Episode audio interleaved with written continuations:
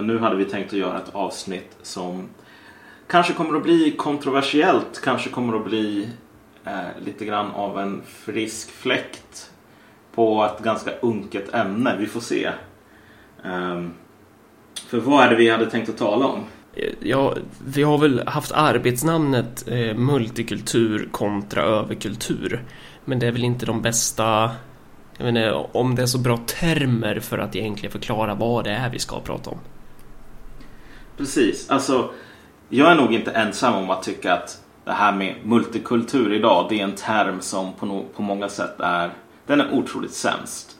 Den, därför att det är en fel, ett fel svar på en felställd fråga på något sätt. Alltså det blir så fort man börjar använda den termen så är det som att man döljer mer än man avslöjar och så blir alla arga på varandra och så vidare. Alltså, det finns någon kärna här som är ganska viktig att prata om. Men ingen vet riktigt hur man ska göra. Så att det blir bara det här, ja du är för multikultur, du är emot det och så vidare. Mm. Uh, och vi hade helt enkelt tänkt att ta ett ganska hemskt exempel på um, ja, en, någonting som var ganska likt det som skedde i Köln fast tusen gånger värre. Tala om det, använda det som en sorts språngbräda för att försöka reda ut vad är det man säger när man använder de här termerna och vad är det hur, hur är det man vill att relationerna mellan olika människor med olika kulturer och allt det där ska se ut? Mm. För det är egentligen det som är den stora frågan. Hur ska vi, på vilka villkor ska vi stå ut med varandra? Så att säga. Nej men verkligen. Det som skedde i Rotterdam var alltså väl... No... Rent krasst så var det nog antagligen den, den värsta sån här skandalen sen det som uppdagades i, i katolska kyrkan. Eh, de har ju sedan länge tillbaks haft mycket problem med förgripelser på barn. Och det, har ju, det var så himla tydligt, med katolska kyrkan så är det så himla tydligt att det här är någonting som har satts i system. Det som var läskigare med Rotterdam var ju att du hade ett och ett, liksom 1400 runt så offer som systematiskt um, utnyttjades, våldtogs, liksom såldes till slaveri nästan. Um, och det här var, du kan inte... Det ligger i sakens natur när det är så här många offer som är inblandade och så här många förövare som är inblandade och samarbetar. Att det här är ju ingenting som... Det är ingen slump. Alltså det, Nej, det, det, det, var alltså en grupp äh, män som hade det som, som systematiskt förgrep sig på barn. Så. Ja, och det var en ganska stor grupp män. Eh, och sen så var det ju den här gruppen män typ upplät ju sina offer. Du vet, som att man bytte Pokémon-kort ungefär. Så att om man hade liksom bekanta så kunde man säga jo men här, jag har ett barn som du kan våldta ungefär. Bara den aspekten visar ju på att det finns en struktur här som behö man behöver fundera både en och två gånger kring. Liksom, vad är det som faktiskt sker här? Och det som så, var så himla talande var ju att vänstern var helt tyst om mm. det här.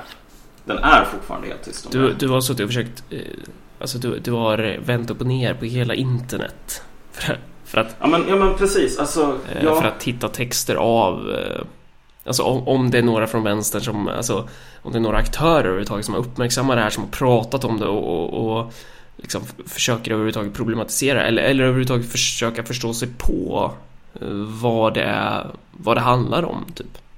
Men, men du hittade ingenting. Nej, och det här är ju, vi hade tänkt att göra det här avsnittet eh, sedan ganska lång tid tillbaks egentligen. Men, och då tala om det här med multikultur kontra överkultur och allting det. Men det som fick oss att börja tala om det här med Rotterdam var ju bara att i någon artikel som handlade om någonting helt annat så sa jag den här skäggiga gubben som du känner till också och som alla älskar, Slavoj Zizek.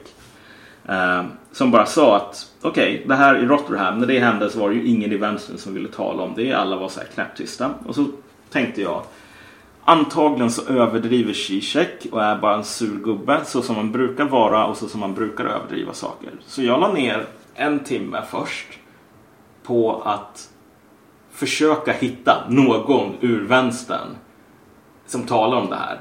Och det gick inte. Det var i princip omöjligt.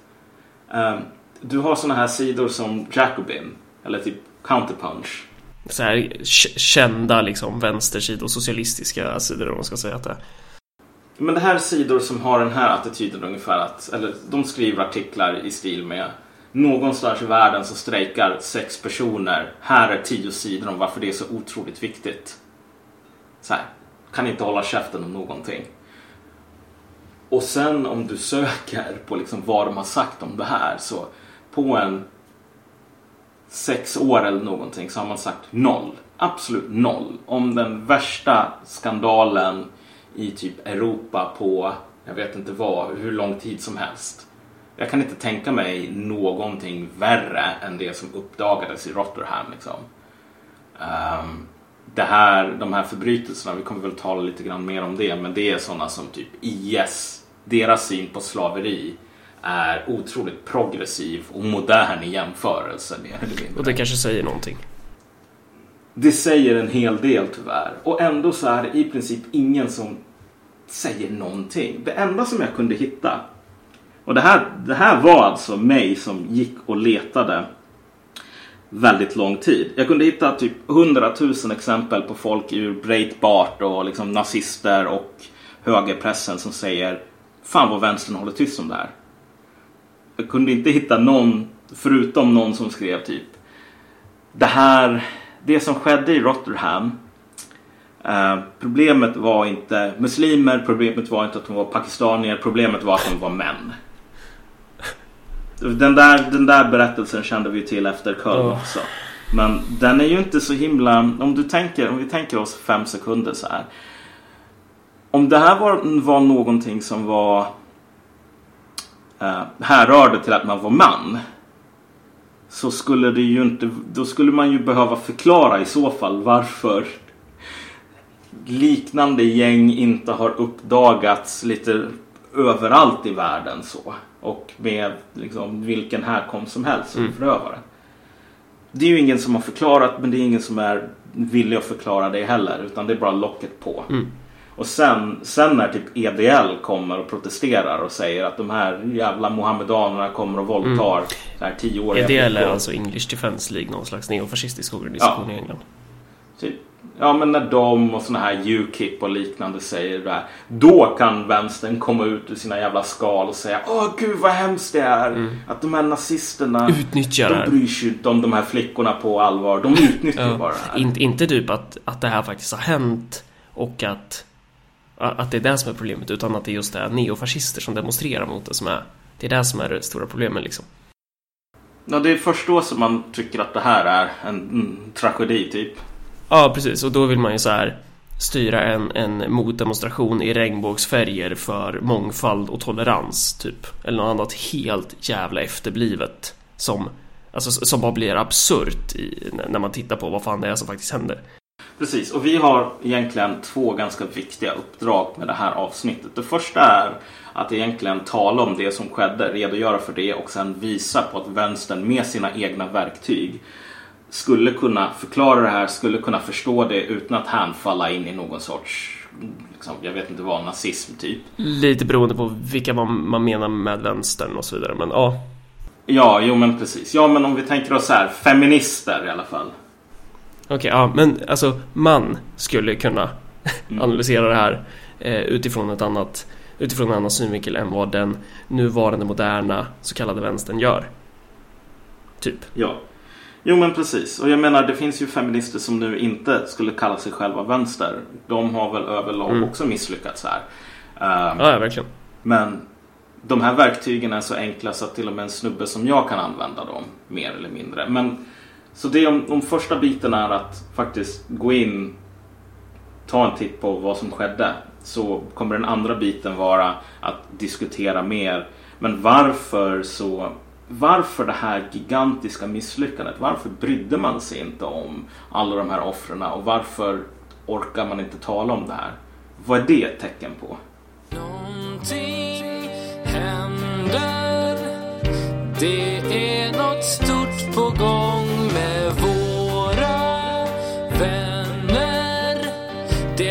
Marcus och Malcolms podd Vad hände i Rotherham? Jo, det här var alltså, ja, som vi sa tidigare, under en tioårsperiod ungefär så systematiskt så utsatte man eh, ja, barn då för eh, väldigt brutala våldtäkter. Det här var, det här var ju inte liksom one-off utan hela poängen var ju att försöka få in folk i, vad ska man säga, i en sorts beroendeställning så att du kunde kontrollera dem. Det här kallas för, det finns en term som heter grooming. Som är typ att lura in folk så att du har kontroll över dem mer eller mindre. Och offren var alltså flickor som eh, ja, var kända hos, de flesta av dem var typ kända hos Socialstyrelsen typ. Så det var ju från eh, fattigaste och mest utsatta Var flickorna... Var de också av eh, primärt pakistansk härkomst eller var de... Nej. Nej. Nej. Nej, de var primärt alltså engelska. Ja. Så. Ehm, och det, det var också en sak som jag la märke till när jag läste den här rapporteringen var ju det första är ju att vissa hade alltså som för det här var inte det enda gänget. I Rotherham så var det var liksom den största skandalen. Men sen efter det så uppdagas det att det hade ehm, förekommit samma sak i flera andra städer. Bland annat i typ Oxford. Där var det väl en 400 Mm. offer eller någonting. Alltså om man går in på den här Wikipedia-artikeln med eh, Rotherham så kommer du ju längst ner få se typ ett tiotal andra liknande sexskandaler som du kan så här klicka på. Jag vet inte hur många det var. Den förkrossande majoriteten är från Pakistan. Liksom så här en 64 av 74 Mm. eller något sådant. Och sen är det några från Somalien. Några från S- Sa du Somalien? Afghanistan. Ja, gud. Förlåt. Somalia? Ja, Somalia, sorry. Ehm, några från Afghanistan också. Men majoriteten från Pakistan. Ehm, och man hade alltså hängt utanför socialkontor, väntat på offer att plocka upp ungefär. Ehm, och den andra saken var ju att man refererar till de här flickorna som typ jävla white trash, jävla horor och allting sånt. Ehm, och för att ge folk en idé om ungefär liksom, brutaliteten i det här så Eh, vi talar alltså om flickor som blev våldtagna av fem, tio pers på en och samma kväll. Om flickor som blev dränkta i bensin och så kom det någon med tändare och hotade att liksom sätta eld på dem. Um, och det, sen efteråt så visade det sig att så här vaginala våldtäkter var undantag snarare än regel. Därför att typ orala, anala våldtäkter var det som folk föredrog. Och det är ganska tydligt att anledningen till att man föredrog det, det var ju att det är mer förnedrande. Så. Så att det här var alltså en väldigt eh, att det här höll på så länge och att folk kunde leva tämligen normala liv som älskande familjefädrar och så vidare och typ göra det här med sina kompisar var ju någonting väldigt uppseendeväckande. För om, du tänker, om vi tänker oss så här Josef Fritzl. Det är lite av en annan grej där. Eh, där har vi en weirdo som, vad var det han gjorde? Han grävde någon bunker som han spärrade in sin dotter i typ. Ja, och skaffa barn med henne och så våldtog han väl allihop typ. Ja, precis. Men du, du kan tänka dig att det är ganska svårt att föreställa sig att han... Att, att han skulle ingå i ett, i, ett, i ett nätverk av... Nu, nu ska man ju också säga så här, så vitt jag Ja. vet så är väl inte Fritzl den enda i det där jävla alpområdet som har betett Nej, sig nej, på det här sättet liksom. Men fortfarande, det, det var ju inte så här... eh, Eller jag, jag antar att det inte finns ett klandestint nätverk av eh, Fritzels som typ så här håller kontakten och byter de här våldtäktsoffren som Pokémon-kort liksom. Nej men precis. Alltså visst, övergrepp, väldigt långtgående övergrepp är ju ingen nyhet. Men just det systematiserade sättet som man gjorde det på och det sättet som man gjorde det på som var verkligen en social aktivitet var verkligen någonting som var nytt. Snarare än någonting sexuellt. Ja. Ja. Våldtäkt handlar ju aldrig om liksom, våldtäkt handlar ju aldrig om typ sexuell njutning. Det kan vi komma till senare. Men, men hur som helst. Ehm, den andra saken, den andra sidan på det här jävla ruttna myntet var ju typ att ehm, ingen brydde sig om offren när det ändå fanns signaler liksom att det här var en stor grej. Så att Ehm, jag tror det var någon socialsekreterare eller något som först skrev någon rapport om att hundratals offer nog hade råkat illa ut. Och då blev hon alltså upplyst om att det här var väldigt känsligt därför att många av de här var pakistanier och man ska inte vara rasist. Typ. Så blev hon skickad på en mångfaldskurs och tillsagd att skriva om sin rapport. Och det här är verkligen så här. Där skulle jag inte... Det här är typ mer absurt än någonting som SD skulle kunna hitta Ja, jo, jo men verkligen. Det- Och det är ju det som är grejen att det här hjälper oss väl kanske att förstå de, de här politiska aktörerna också då. När man Ja, faktiskt tittar precis. på olika fall och sådär. Ja, och, och vissa av de här sakerna. Och det här, det här gör det ju ännu mer, ännu mer förnärmande. Ännu mer, eller förnärmande är inte ett starkt ord nog. Det här gör det ännu mer eh, upprörande, liksom katastrofalt att vänstern inte säger någonting om det här överhuvudtaget.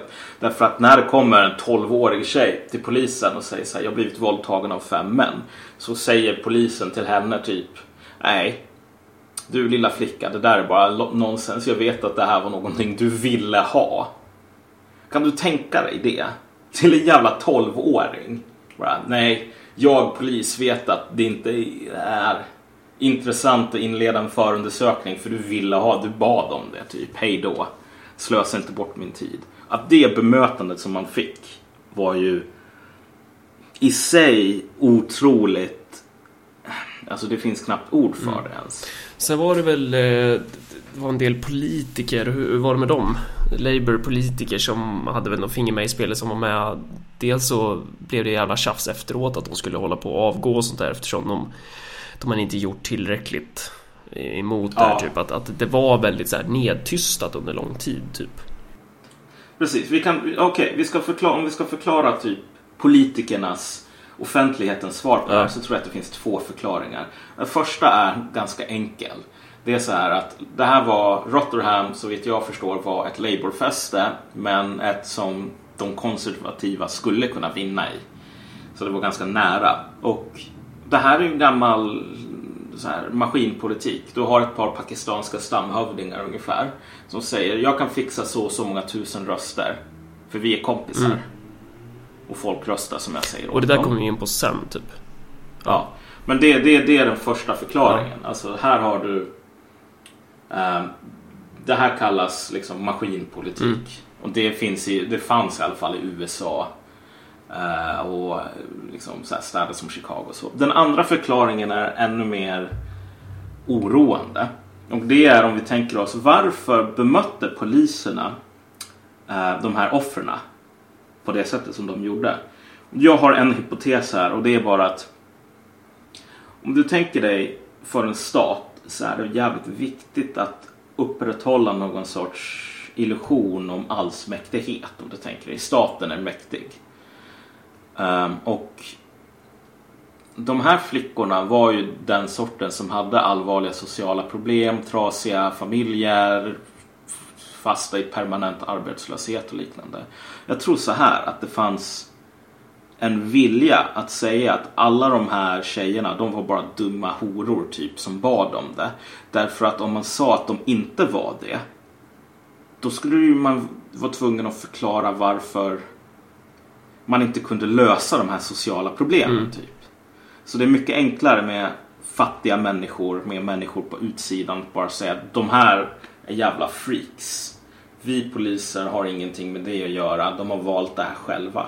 Så slipper man hamna i en situation där det kanske är så att polisen inte kan lösa det här med de resurserna de har. Vissa skulle ju säkert säga att så här, det här, för det så ju, var ju väl några politiker och poliser också som sa efteråt att det här är ett utfall av politisk korrekthet. Att man Ja. inte har eh, satt ner foten ordentligt liksom. Mm, ja, det är det väl också till en viss del och jag menar det ser vi väl i hur vänstern har betett sig så. Det är så här, man håller piptyst om det och sen när EDL kommer och säger jävla muslimer så säger man Åh gud vilken tragedi som har hänt. Ja. Nu har EDL sagt jävla muslimer. Ja. Ja, okej, det är väl en tragedi, men det är inte den enda tragedin som har hänt här. Mm. Och den andra som är lite större, lite mer historisk, har man ju hållit käft om Ja. helt. Om du har tråkigt så stanna kvar.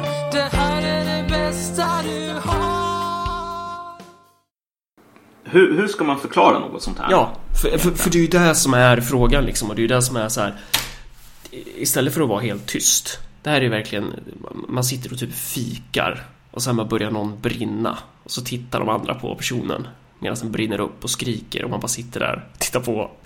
Det är ingen som gör något. Jättekonstigt exempel. Det, det, här, man, måste ju, man måste ju ha en förklaring till sådana här Ja. skeenden om man ska försöka vara politiskt relevant för sin samtid och, och framtid. Eh, för att, alltså, det finns ju inget alternativ än att försöka gå, gå till djup eller gå till botten med det. Mm. Liksom. Och du, om du tänker dig den här vanliga, det som jag kunde hitta Ja. kring Rotterdam och det som har varit på tapeten nu efter Köln. Det här med att, ehm, hallå, det finns en hederskultur i Sverige också. Ehm, det enda gemensamma nämnaren är att typ alla män våldtar. Det var ju som Gudrun Schyman sa ju det här, det är ju rätt berömt. Hon sa att svenska män är som talibaner liksom. Ja, jo, jag känner bara så här. En, en uppgivenhet blandad med upprördhet. Det är inte för att jag bara, men hallå, jag är kille och jag är snäll. Utan bara, när skedde den kollektiva, de här kollektiva lobotomierna? Typ, när folk slog in rostiga spikar i varandras hjärnor för att typ stänga av allting som inte är något så här typ reflex undermedvetna delen. Så vi har ju pratat om det här i tidigare avsnitt också. Eh, angående det här med att det är lite för trubbiga analysverktyg. Eh, att, att man analyserar eh, skeenden utifrån det jävligt trubbiga verktyget onda människor versus goda människor typ. Eh, och att det, när sådana här grejer sker då, då, då räcker inte de här verktygen till. Man, man, man, kan inte, man kan inte gå på djupet. Man kan bara stå där och typ uh, Alltså man, man kan inte göra någonting då. Precis, man sorterar in det här ungefär som att ja, men Ivar Arpi är emot muslimer, han tycker de är jobbiga. Så därför måste Ja. jag tycka att muslimer är bra. Eller liksom... Jag, jag måste tycka tvärtom som Ivar Arpi Ja. därför att det, Ivar Arpi tycker saker för att han är ond och jag tycker saker för att jag är god. Och så, så där är det ju verkligen med typ så här islamism eh, och, och, och så här, IS och sådana grejer. Att så här, det är ganska många som är emot IS typ. Eh, men man kan vara det av olika anledningar. Alltså så här, det, det är samma sak som att säga så här, eh, att säga att man, man inte tycker att kapitalister ska styra världen typ och så kanske den ena förklarar det som att det är för att de är giriga till naturen medan en annan säger att nej men eh, det handlar om ett system, människor är en produkt av sin omgivning och bla bla bla. Alltså här, så att även om man kommer till samma slutsats så behöver det ju inte vara rätt svar. Förstår du liksom? Att, att det, Nej, och det är ju där, det, det där en som man inte klarar av att se när man analyserar världen utifrån så trubbiga verktyg som så här onda versus goda. Men det här är också en situation där av olika anledningar att säga så här. Jag tycker precis det som Ivar Arpi tycker, Ja. fast tvärtom. Ja. producerar ganska konstiga resultat. Så då håller man bara tyst därför att det blir lite för mycket kognitiv dissonans. Ja. Men alltså, nu är det så här. Väldigt jävla basic. Till och med en idiotisk snubbe som jag förstår så här mycket. Våldtäkt handlar inte om sexuell njutning. Mm. Därför att det finns ju väldigt många mycket enklare sätt att få sexuell njutning på än våldtäkter. Och det är inte, det är inte därför folk håller på med det. Våldtäkt har med makt att göra. Och all makt, alla maktrelationer är ju beroende av kontext.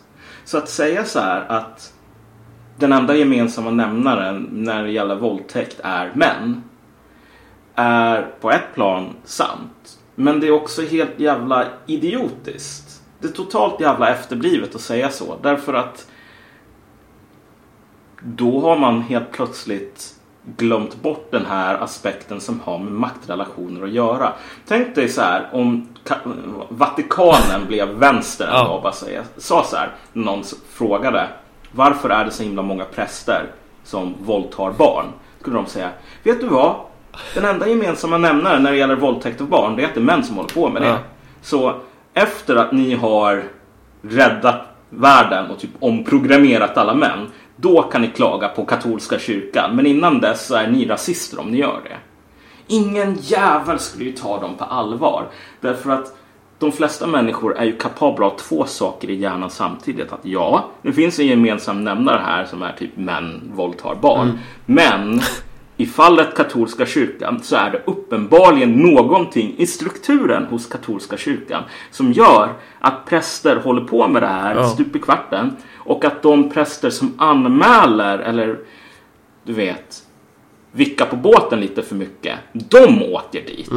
Det är inte prästerna som, som gör det här som åker ut för reprimander eller blir flyttade. Utan det är de som anmäler det och försöker göra en grej av det.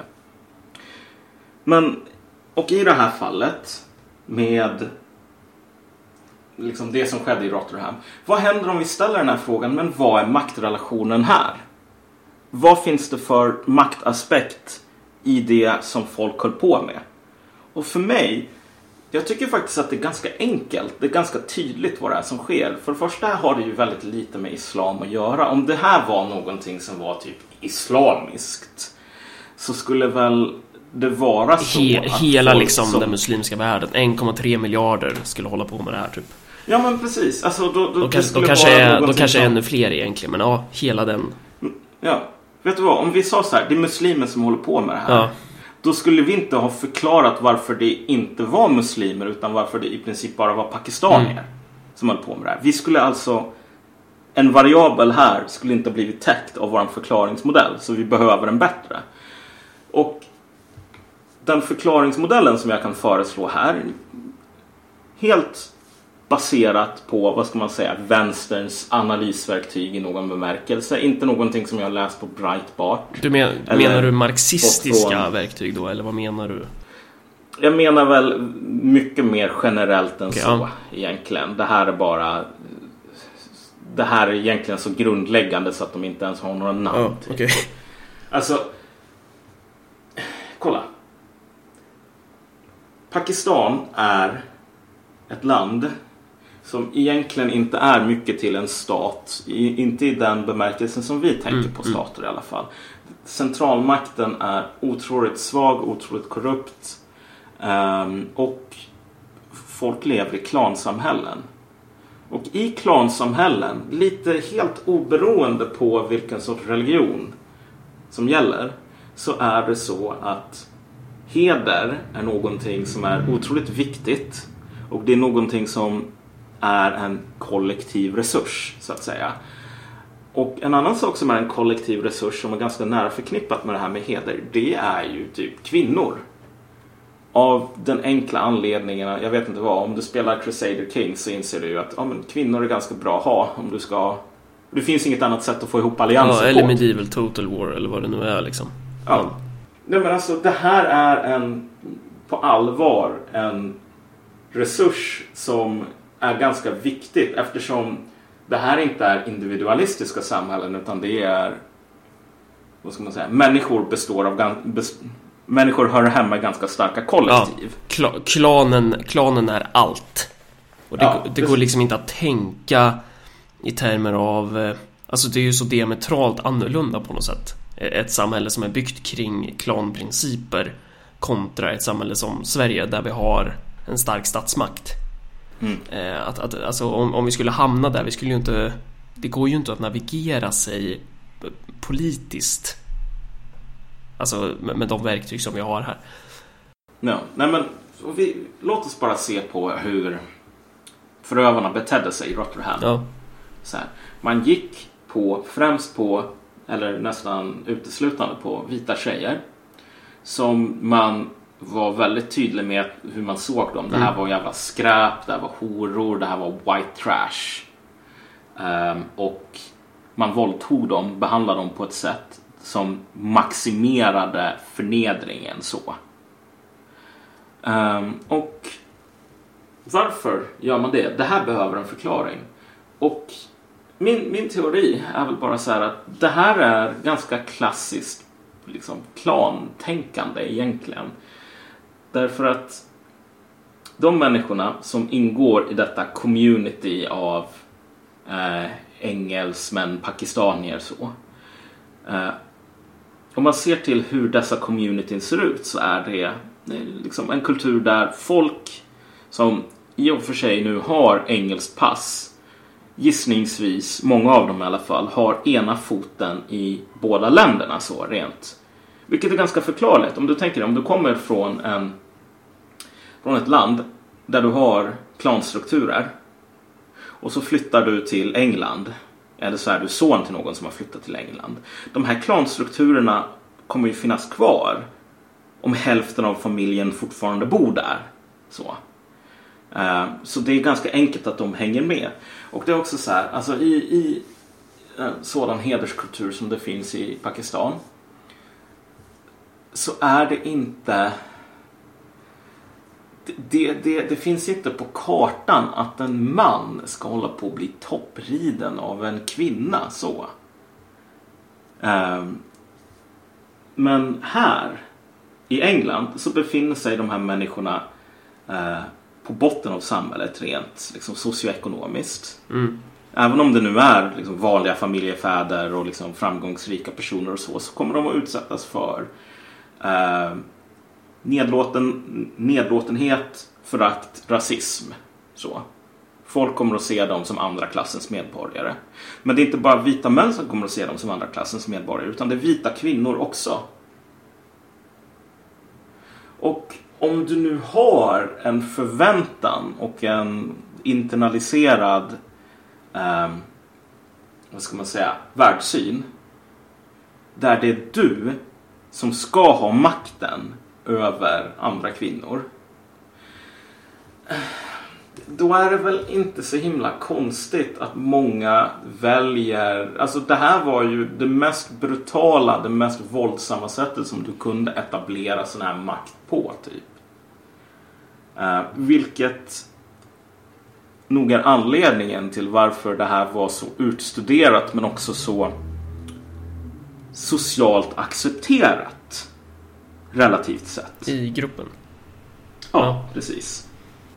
Varför eh, den här gruppen behandlar det här på precis samma jävla sätt som Vatikanen behandlar senaste sexskandalen på. Mer eller mindre så här. Ja, men vet du vad? Det kanske är barnen som bad om det. Eller ja, ja, å ena sidan och andra sidan. Ja, alltså det här finns en viss acceptans. Um, och återigen, på lägg märke till vad vi inte säger här. Vi säger inte att um, det här är liksom muslimer. Så. Att muslimer är liksom sämre än kristna eller att det här har med islam att göra för den skull. Och inte heller att så här, ja men det här är en krock mellan västerländsk kultur där vita män som typ lyssnar på uh, Ultima Thule aldrig skulle kröka ett hår på en kvinnas huvud. Men de här svartmuskiga mohammedanerna med sina kroksablar, de, de behandlar kvinnor som luft. Det är inte det som är Och, poängen. men, men på ett sätt är det ju det vi säger, men vi säger det på ett annat sätt. Nej, vad vi säger är så här att de maktförhållanden som finns ehm, som, som, är ett, liksom, som de här gängen är ett exempel på är sådana som du och jag inte är en del av. Mm. Alltså, även om du och jag skulle känna oss eller någon annan svensk typ skulle känna sig eh, eh, liksom kastrerad av någon typ kvinna, liksom sin flickvän som bestämmer allt. Okej, du menar att, du Så- menar att det här sker inte på grund utav det, en clash mellan idéer? Alltså, eh, för att, för att det är ju de facto, det är ju de facto en clash, alltså det är ju inte en... Man kan ju säga att det här är en kulturell clash. Jo, det, det är ju det. Men, men poängen är ju så här. Och det här är ju det där folk drar åt sig liksom, Öronen. Eh, ja, drar åt sig öronen. Det, det är när man vill försöka säga att ja men vet du vad? Svenska män är goda medan pakistanier är onda. Okej, jag kan förstå om det finns en viss ehm, motvilja mot sådana argument. Mm. Speciellt om det kommer från typ nazister. Mm.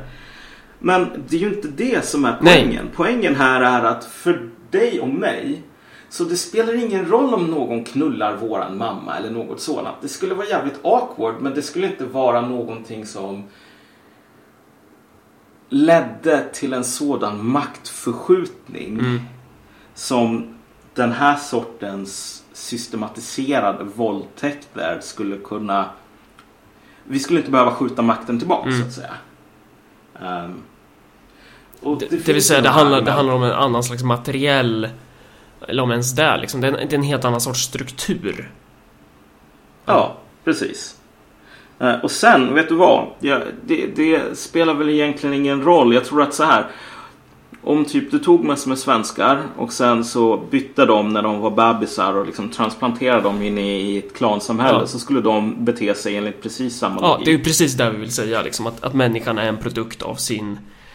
Av sin materiella om, om, av sin omgivning helt enkelt.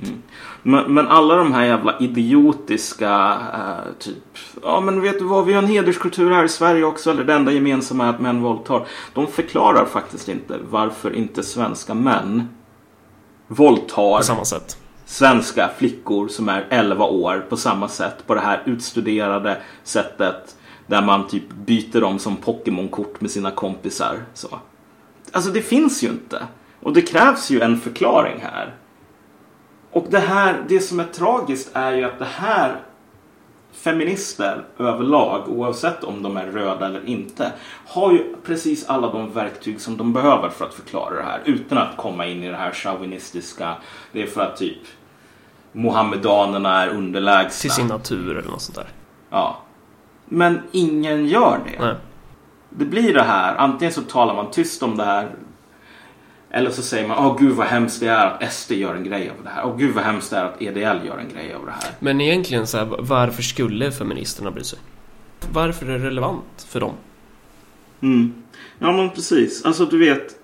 Det här är ju. Jag hoppas jag inte påpekar något kontroversiellt här nu.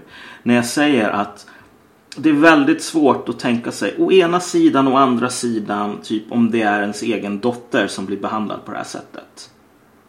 Jag menar förhoppningsvis så skulle de flesta reagera med ganska stor ilska och ganska lite tålamod för olika eh, liksom moralisk relativism i ett sådant fall. Men varför förklara då denna tystnad bland västerländska feminister för typ 1500 våldtagna barn?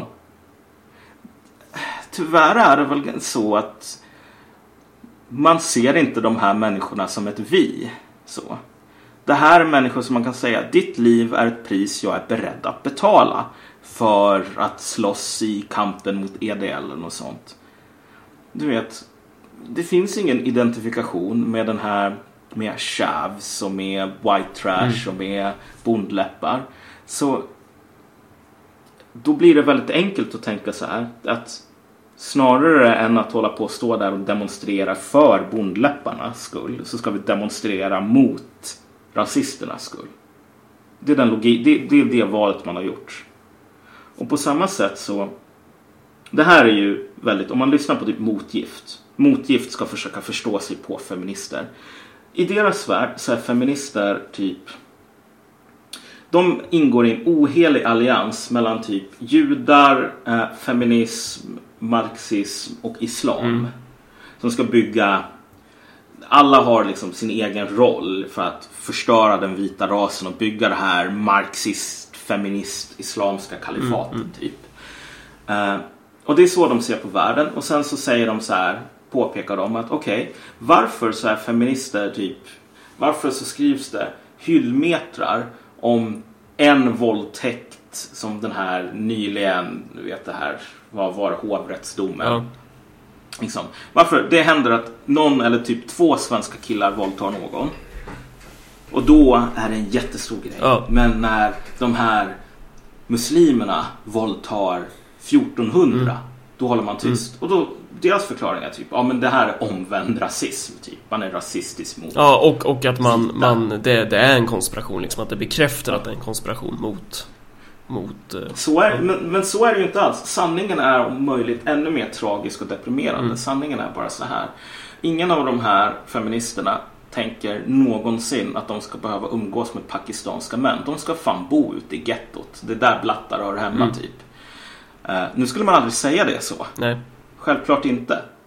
Men anledningen till att man inte behöver bry sig om vad blattarna håller på med är ju för att man inte behöver umgås med dem. Men när det gäller vita män som till och med kan visa sig vara så medelklass och inte typ bondläppar och ändå våldta. Då är det ju ett skitstort problem. Då är det ett problem inom familjen. Då måste man lösa det därför att man, man av förklarliga skäl så vill man inte leva i ett samhälle där folk som man umgås med, som man hänger med ska utsätta en för sexuellt våld. Men pakistanska män behöver man inte umgås med. De behöver man inte hänga med därför att de ska hö- höra hemma hemma ute i gettot. Mm, mm. Där har du logiken. Och sen då ifall det kommer typ en eh, kurdisk eh, kvinnorättskämpe eh, och liksom påpekar att så här, bara, "Nej, det är fan problem i förorterna. Då säger man du är rasist. Ja, precis. Och jag menar om, om den här, det som jag ju sa, om man säger det för gänget på motpol då kanske de drar en jävla lättnadens suck typ. Så här, ja gud, då var det inte så illa ändå. För mig är det här ganska mycket mer deprimerande än den här judiska, islamska rymdödle konspirationen. Därför att det bara visar på vad det finns en total ovilja, ett totalt ointresse. Det tar ju stopp, Att liksom. försöka, ja, att försöka enas om någon sorts first principles här. Mm. Om någon sorts regler för hur vi ska stå ut med varandra utan att slå ihjäl varandra. Därför att det finns inte någon som helst idé om att man ska behöva stå ut med blattar, typ. Precis. Och då kommer vi in på den här andra grejen då. Eh, som Mm. handlar om vilka är egentligen vi som ska, stå, som ska stå ut med varandra? Mm, precis. Här kommer Marcus och Malcolm. Här kommer Marcus och Malcolm. Här kommer världens bästa podcastpatrull. Passar perfekt om du är bakfull. Här kommer Marcus och Malcolm. Ma- Man kan väl säga så här, vi har pratat om demos tidigare. Eh, och idag i, i det skede som kapitalismen är i nu och det skede som svenska samhället är i nu så har vi ju mer än ett demos i Sverige. Eller vi har snarare tendenser åt olika demos. Att vi har ehm, en, en idé om att de här olikheterna som finns, de här olika grupperingarna som finns, det är någonting gott i sig. Det är bra att eh, du har, som det heter på engelska, communities. Alltså typ eh, en kurdisk diaspora för sig, en syriansk diaspora för sig, en somalisk för sig och så vidare. Det är någonting genuint gott i de här, eh, vad ska man säga, de goda människornas ögon, så som de ser sig själva. Eh, men, men det, det kanske ställer upp vissa problem liksom beroende på vart det är man vill komma, vilket sorts samhälle man vill ha. För att det, det är ju eh, på grund av olika materiella faktorer eh, som, så har vi till exempel så här institutionell rasism eh, som gör, alltså som, som tvingar vissa grupperingar till att bli- isolerade. Eh, att, att så här, det är svårare att få jobb, det är svårare att få en plats i samhället och så vidare. Eh, vilket då skapar en, en, en isolerad ö i det svenska samhället typ. Där man behåller, eh, eller där man skapar en, en annat slags demos, en annan slags kultur. Eh, och de här grupperingarna behöver då någon slags representant eller de, de behöver en kanal för att så här, kommunicera med övriga samhället. Det kan vara i formen av en imam, det kan vara i form av en präst, det kan vara i form av en eh, oftast är det ju någon slags patriark, eh, någon, någon man som, som liksom är ledare för, för gruppen, för klanen. Eh, och det, det, här ger ju i sin tur upp, upphov, alltså, eller utgör ju i sin tur vissa materiella incitament. Eh, så, så, om man ska ta till exempel i eh, valprocesser. Att, att man kan gå till vissa framstående personer i en viss diaspora och eh, blir man kompis med de här personerna då kan man räkna med att hela diasporan kommer kryssa en till en parlamentarisk församling. Att, att, att de, Ja. de här isolerade grupperna är ju eh, det är organiserade röster. Det, det är organiserat. Du, du kan inte gå ut till Fjugesta på Närkeslätten och säga nu vill jag tala med Fjugestas hövding och då kommer liksom eh, Hjalmar komma fram där och bara ja för fan hörde du, du skulle tala med mig och så liksom ska man så här få hela Fjugestas röster, det funkar inte så. Men i Mali till exempel, när man var, då, då åkte vi till en by eh, och då skulle vi eh, så här, vi skulle kampanja där och då, då satt så här, vår presidentkandidat Omar, han satte sig ner med någon någon, någon hövding där som såg ut som en, en mänsklig version av en get. Och då satt och pratade liksom i, ja vad kan det ha varit, en timme kanske. Och sen så bara går vi därifrån och vi bara såhär, men vadå, skulle du inte hålla tal? Skulle du inte så här kampanja liksom? Och han bara, nej vadå, det är fixat. Så här, hela byn kommer rösta på oss nu. För då hade han snackat med hövdingen.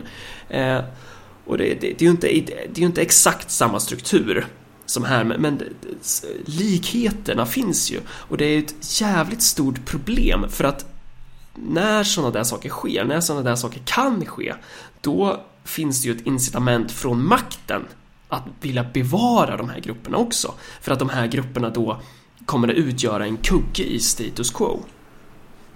Ja.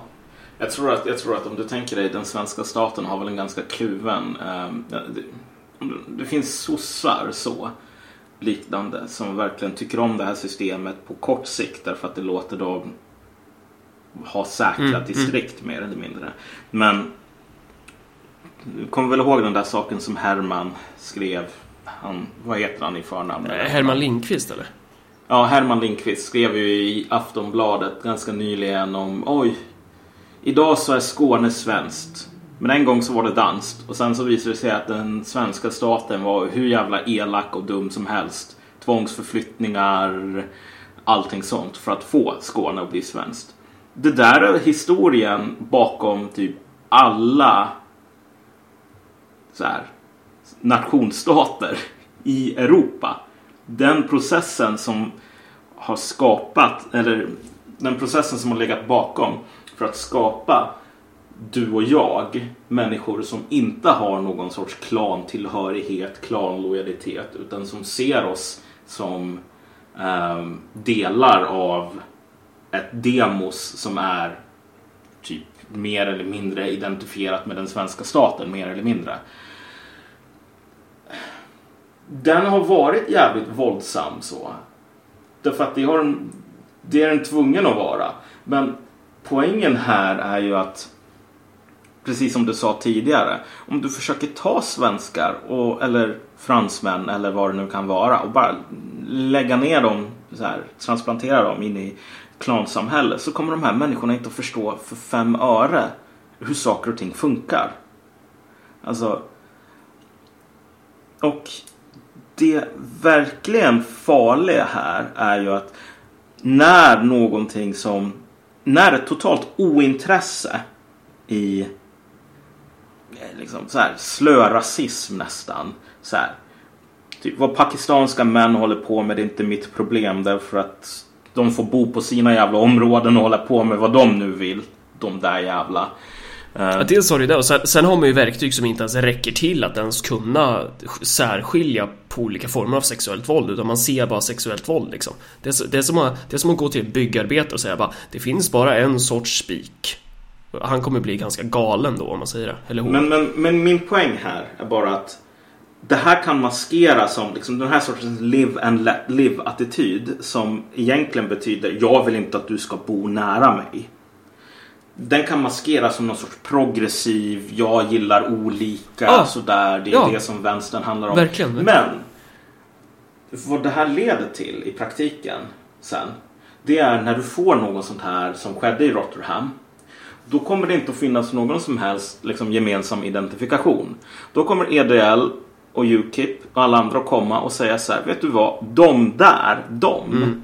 De våldtar våra. Och sen så har du vänstern som säger nej, de där, de är ju ganska snälla ändå. Det finns så himla många fördomar om dem. Och är det ingen som förstår risken i att du ska ha en salong och så ska några sitta och säga så här. Jag tycker judar är svin. Och sen är det någon sån här vänstersalongsbesökare som säger Vet du vad? Jag känner två judar. Förträffligt folk. Så. Alltså. Det här är vart det kan leda till i slutändan.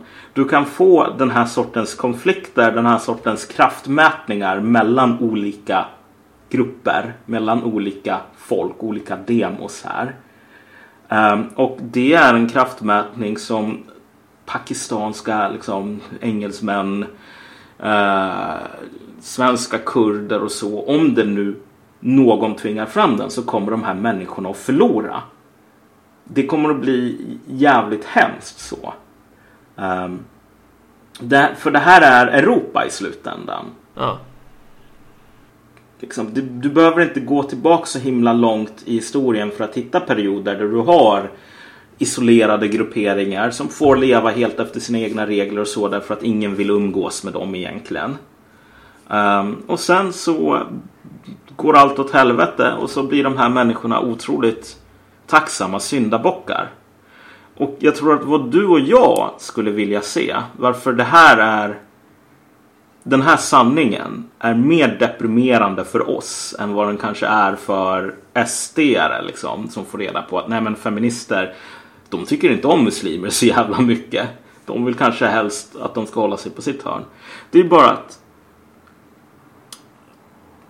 vad vi skulle vilja ha på något plan. Drömmen vore ju om det fanns ett vi här. Mm. Inte ett dom som vad ska man säga, SD kunde säga men de här är svin och sen så kunde det vara någon sån här liberal vänstertomte som säger nej men de är ganska okej. Jag känner en. Men utan att egentligen bry sig. Alltså. Men för bryr man sig idag i Europa så tror jag att då inser man att det enda, förhopp, liksom, det enda hoppet är ju att försöka bygga någon sorts eh, ett gemensamt kollektivt vi. ja ett överdemos. Ja, men för att göra det då måste man ju på något sätt enas om first principles. Man måste ha samma regler. Det blir ju jävligt svårt ju längre man låter isolerade öar, ju längre man inte aktivt arbetar för att motverka isolerade öar så kommer det vara Ja. sjukt svårt att skapa det demos som krävs för att ställa om det här samhället i en, ska man säga, socialistisk riktning liksom. Det kommer vara, det kommer vara jävligt svårt. Någonstans sen Sovjetunionens fall Ja. så skedde det en omslagning som jag tror att de flesta inte riktigt har förstått vad den betyder men som är väldigt, väldigt ehm, viktig. Idag så ses det nästan som något positivt i sig. Jag tror du sa det tidigare till och med. Så här, mångfald, vi gillar olika och så vidare. Men, och det här ska vara en vänstergrej. Och så är det liksom SD-are som vill ha samma sak. Egentligen så är det ju faktiskt tvärtom, eller det borde vara tvärtom. Därför att vad är det klasslösa samhället? Du och jag som kommunister. Vad är det klasslösa samhället om inte samhället där det råder politisk homogenitet?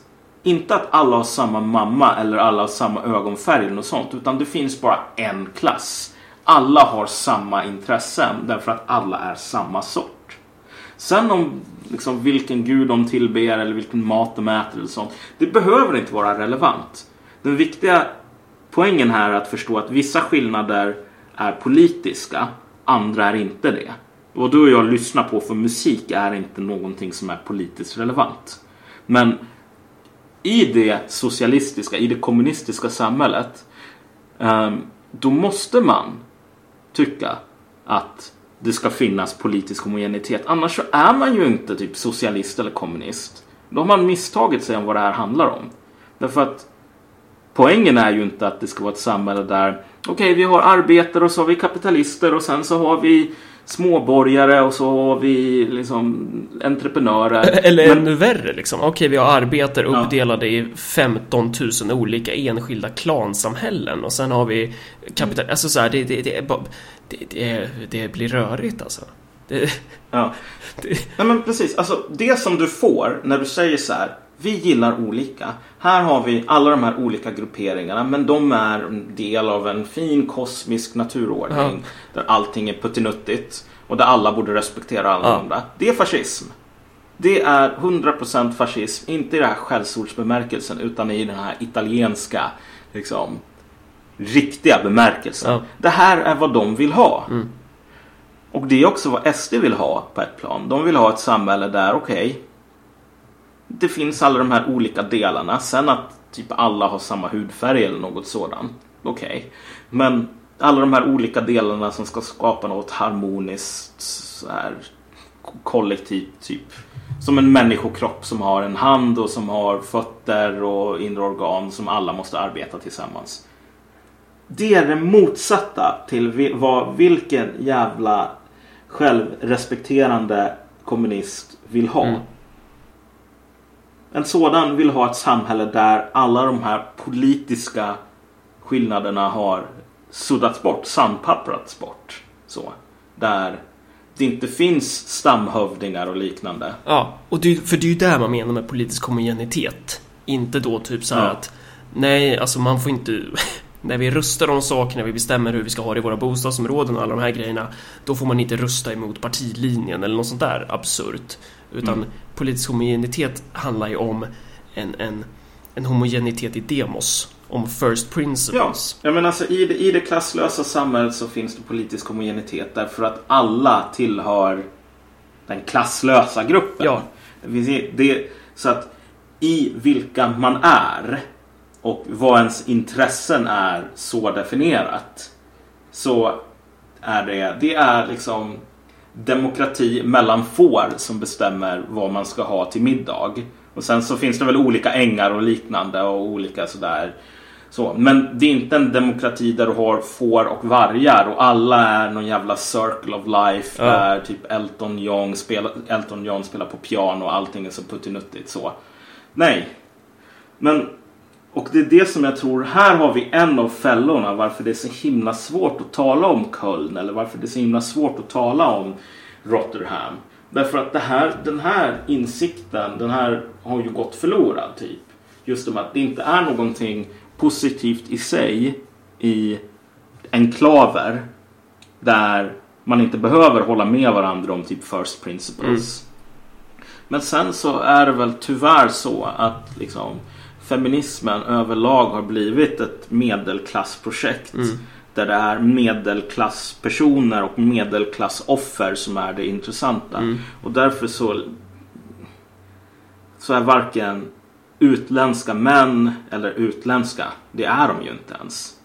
Det är bara typ blattar, blattar. Mm. De, de vill man inte ha. Och så här, Arbetartjejerna vill man inte heller ha att göra med. nej. Och därför så är det enda tragiska noten i det här det är att oj, det kommer mer rasister. Typ. Ja. Ja. Varför, varför är det egentligen bara EDL som typ demonstrerar för de här flickornas skull? Ja. Jag tycker det är så otroligt tragiskt att jag menar man måste ge till djävulen vad som tillhör djävulen och ge till Caesar vad som tillhör Caesar. Mm. Alltså, Okej. EDL, nazister, fine. De är inte intresserade av kvinnors rättigheter för fem öre och allting. De bara låtsas. Men vänstern låtsas ju inte ens vara på de här offrens sida. Nej. Och jag tror att om vi ska komma någon vart idag då behöver vi faktiskt göra någonting åt de felen som får den här situationen att verka normal. Snarare än som en jävla tragedi. Tyckte du att det här var ett bra avsnitt och någonting som var intressant att lyssna på? Ja, då får du helt enkelt ta att dela det här avsnittet. Eh, gör det i sociala medier, skriv sms, skrik på stan att folk ska lyssna på Marcus och Malcolm. Stå med en sån här skylt där det står undergången är nära. Lyssna på Marcus och Malcolms podcast. Ställ dig i centrala Stockholm eller i centrala Sveg. Bara, bara sprid podden. Bara gör det.